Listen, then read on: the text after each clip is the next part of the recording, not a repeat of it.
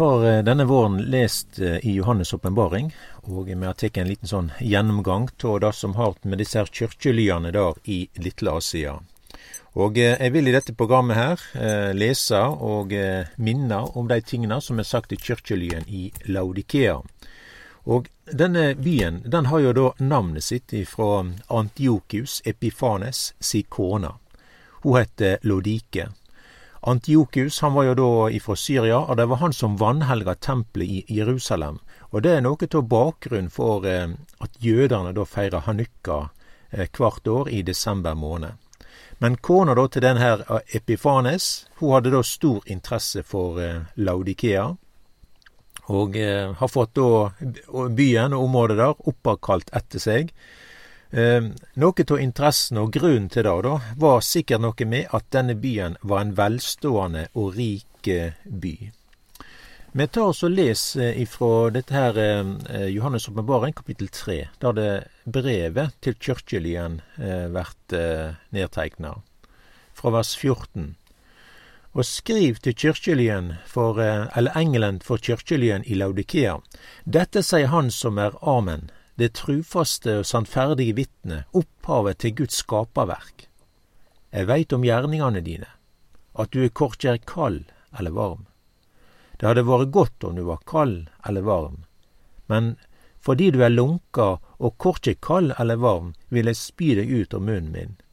Fordi du sier jeg er rik og jeg har overflod av vanter ingenting, og du veit ikke at du er arm og ynkelig, fattig, blind og naken så rår jeg deg til å kjøpe av meg gull, lutra i eld, så du kan verta rik, og kvite klede, så du kan verta kledd i dei, og de nakne skam ikkje skal komme til syne, og augnesalve til å salve auga dine med, så du kan sjå. Alle dei eg elskar, dei refser eg. Gjer de for alvor av det, og vend om. Sjå, eg står for døra og bankar. Om nokon høyrer mi røyst og åpner døra, da vil eg gå inn til han og halde nattverd med han, og han med meg. Den som sigrar, han vil gi oss sitte med meg på mi trona, liksom eg òg har sigra og satt meg med far min på hans truna. Den som har øyre, han høyrer kva anden seier til kyrkjelyane. Og grunnen til at det her er omtalt dette her med det lunka vatnet, for eksempel, dette med rikdommen og dette med kvite klede, så er det dette eh, Laudikea var kjent for. Og da tenker jeg ikke på forsamlinga som her omtalt, men jeg tenker på byen, da. Eh, dette her var jo en rik og velstående by og område. Her eh, var det mye kapital og økonomisk ryggrad. Og alt eh, i året 60 etter Jesu fødsel, da, så ble denne byen rammet av et stort jordskjelv. Men byen hadde penger nok og kapital nok til å reparere alle skadene som var påført, og byen ble gjennombygd. Og Det sier litt om velstand i denne byen her, da. Og det er òg sagt da om Laudikea at det var den rikeste byen i antikkens verden. Og byen den var kjent for tre ting. Det ene dette her var da med pengetransaksjoner den gode kvaliteten på gullet, da. Og så var det da den svarte ullet. Sauene som beita her, de var svarte, og kvaliteten på det var veldig god. Men fargen var svart. Den tredje grunnen til, som gjorde at denne byen var rik og hadde på en måte et veldig godt omdømme sånn, da, det var en skole for medisin. Det var et kjent legemiddel, og det var et pulver, legepulver, som ble laga der i Laudikea. Så det var ikke Altså, det var bare i byen her. Altså, pulver vart laga.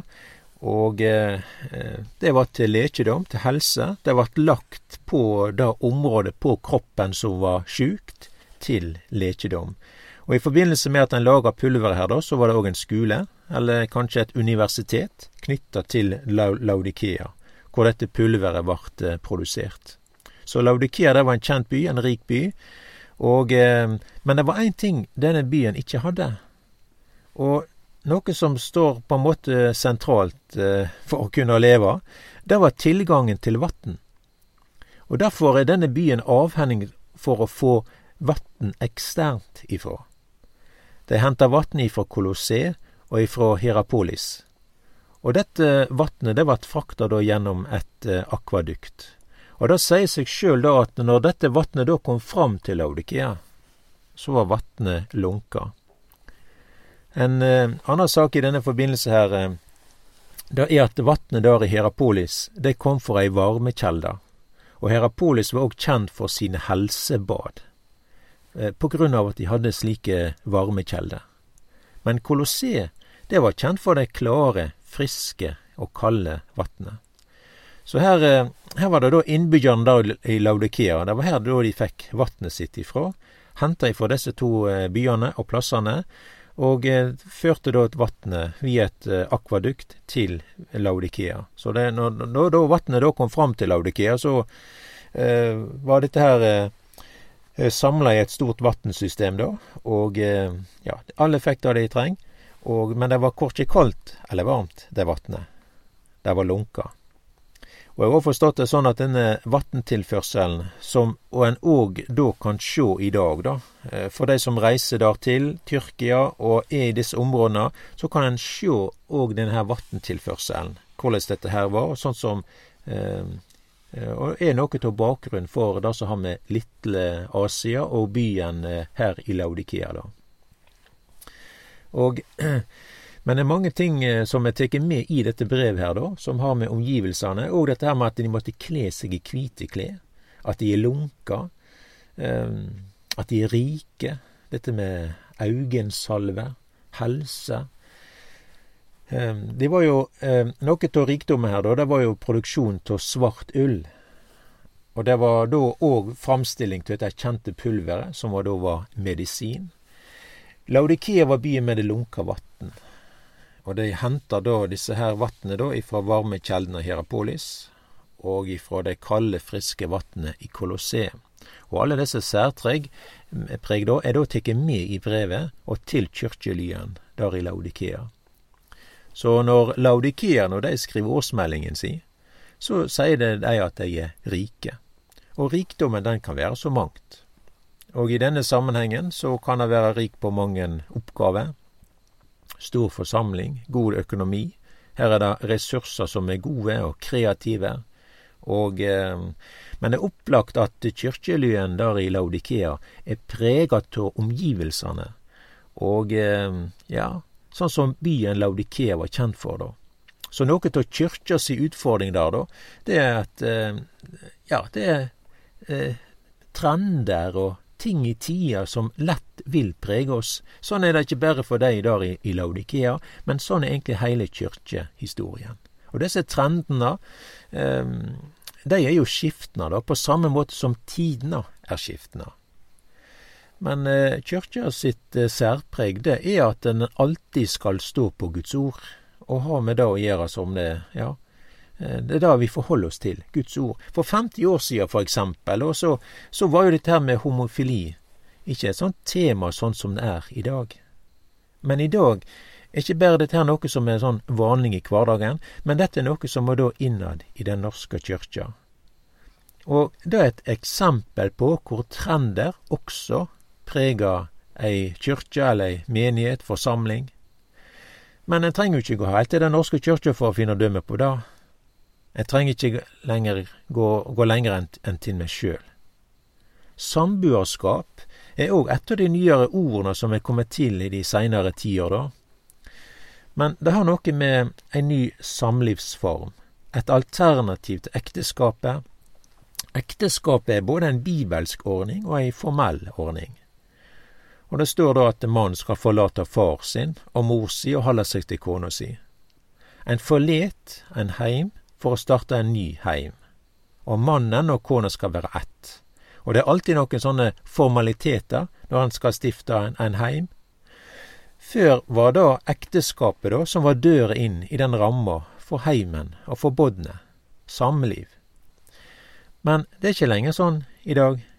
Og denne samfunnsalternativet for ekteskap er da ei samfunnsordning i dag, med samboerskap.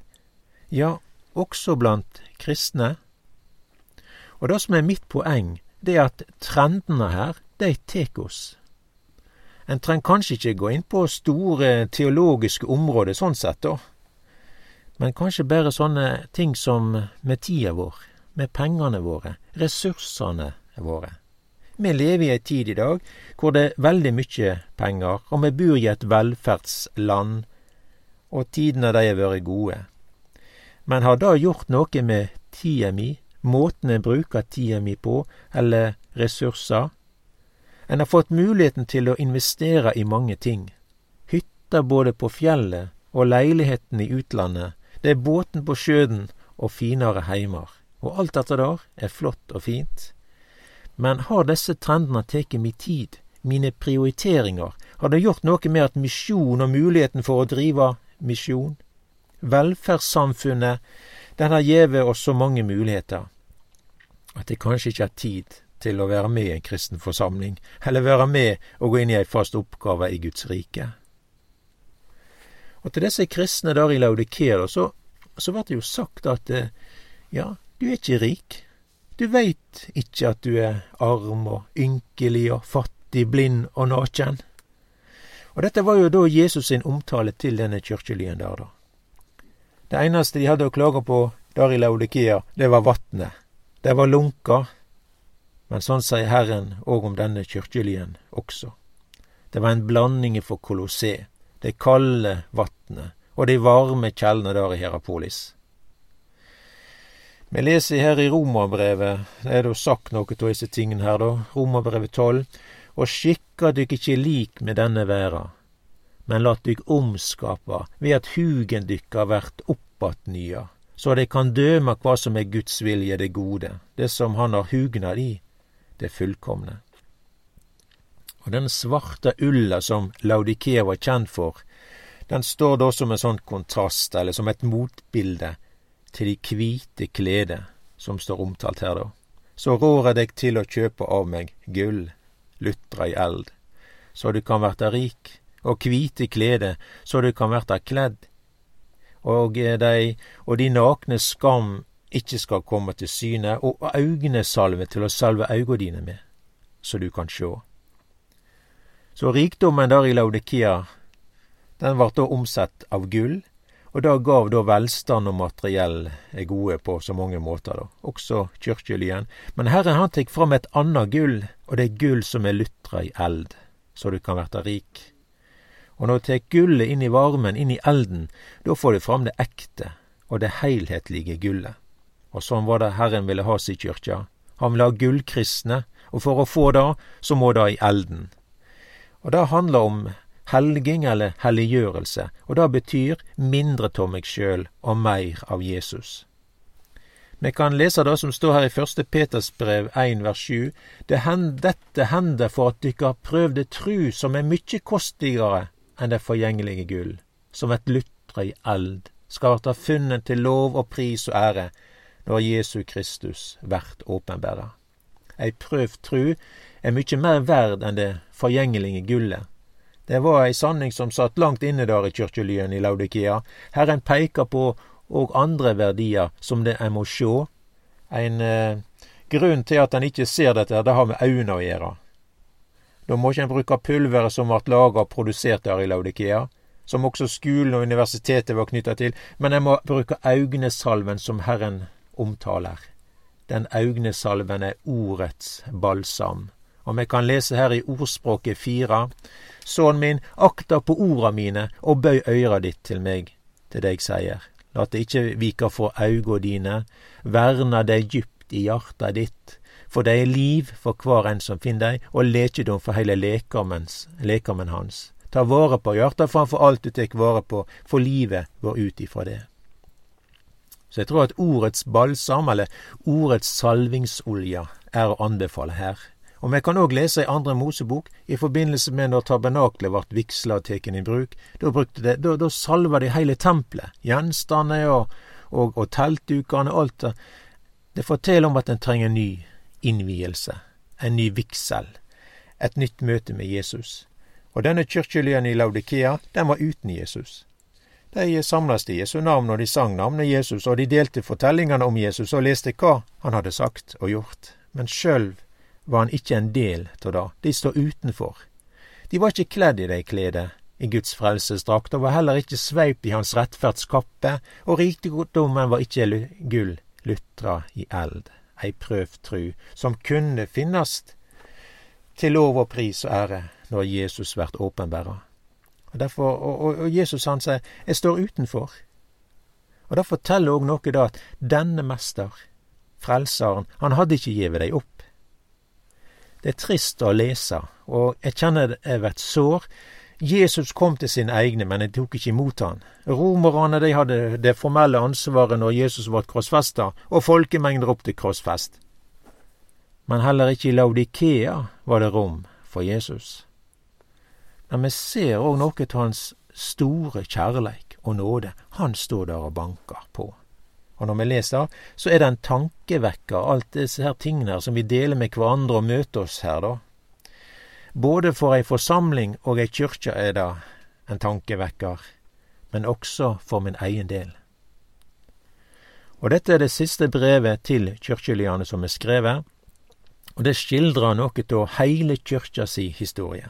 Og det neste som er sagt til Johannes her, stig opp her, og jeg tror at det er dette ropet også snart lyder overfor Guds folk. Jesus kjem snart igjen.